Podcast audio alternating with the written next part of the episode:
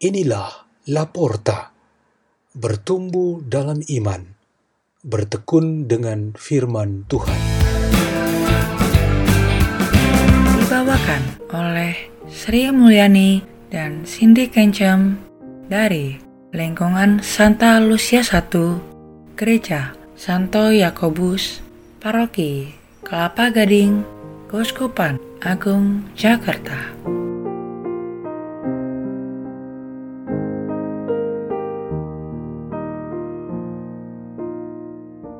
Bacaan dan renungan Sabda Tuhan. Hari Jumat Pekan Biasa ke-10 11 Juni 2021 Hari Raya Hati Yesus yang Maha Kudus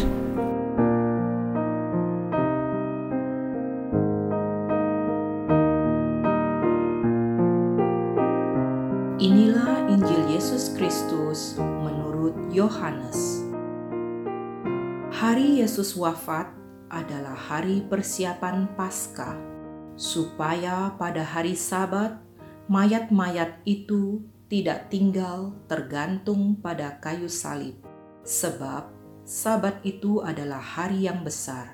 Maka datanglah orang-orang Yahudi kepada Pilatus dan meminta kepadanya supaya kaki orang-orang yang disalibkan itu dipatahkan dan mayat-mayatnya diturunkan. Maka datanglah prajurit-prajurit, lalu mematahkan kaki orang yang pertama dan kaki orang yang lain yang disalibkan bersama-sama dengan Yesus.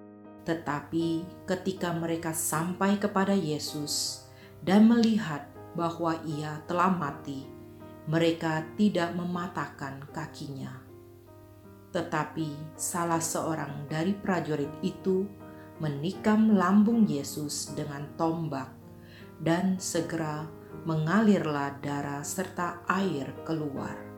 Dan orang yang melihat hal itu sendiri, yang memberikan kesaksian ini, dan kesaksiannya benar, dan ia tahu bahwa ia mengatakan kebenaran, supaya kamu juga percaya, sebab hal itu terjadi supaya genaplah yang tertulis dalam kitab suci.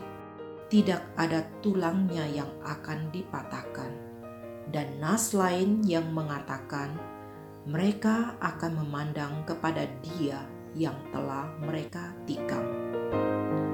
Demikianlah Injil Tuhan.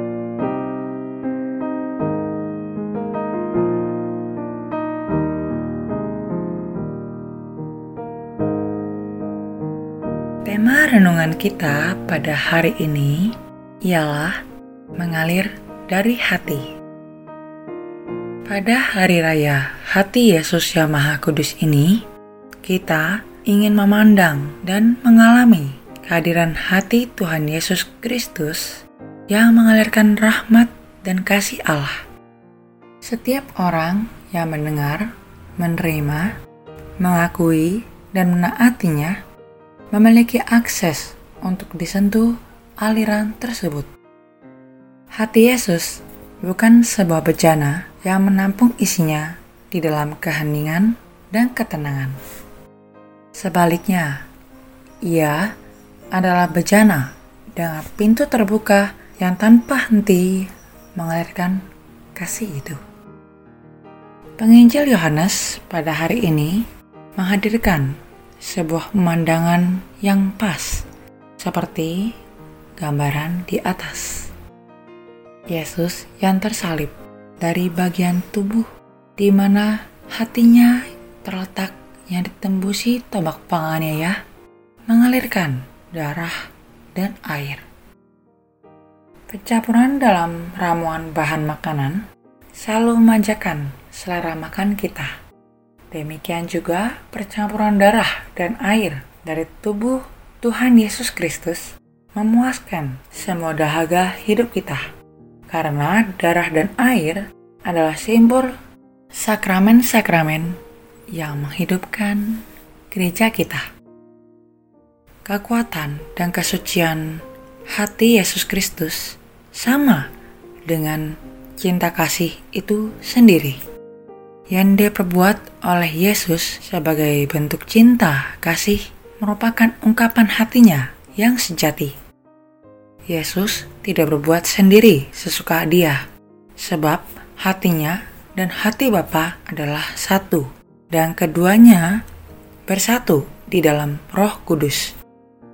Jadi, kita menyadari betapa besar, mulia, dan sucinya hati Yesus yang Maha Kudus.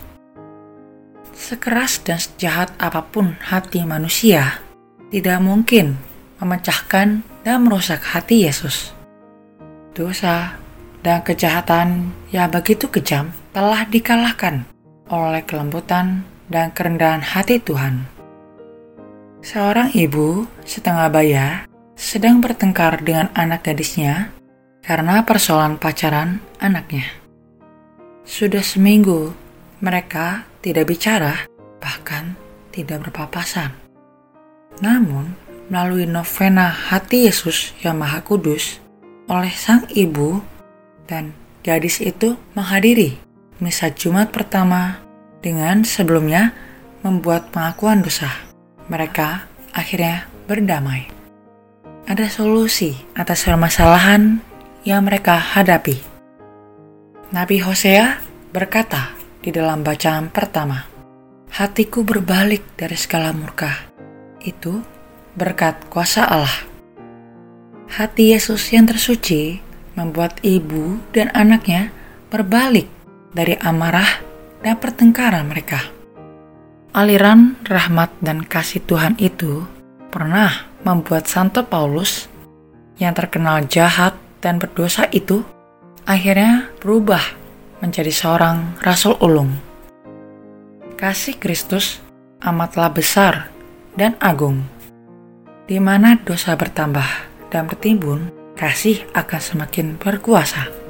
Ia menasihatkan supaya hati kita tetap terkoneksi dengan hati Yesus.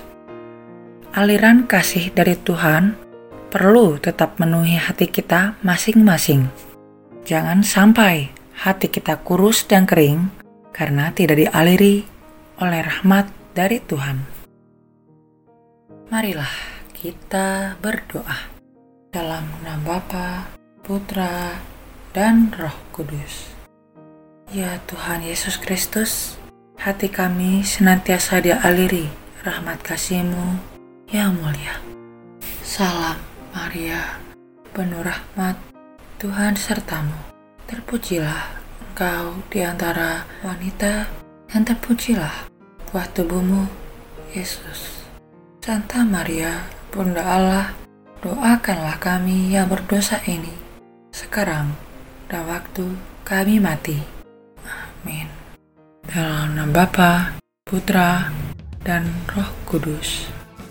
Amin. La porta. La porta. La porta.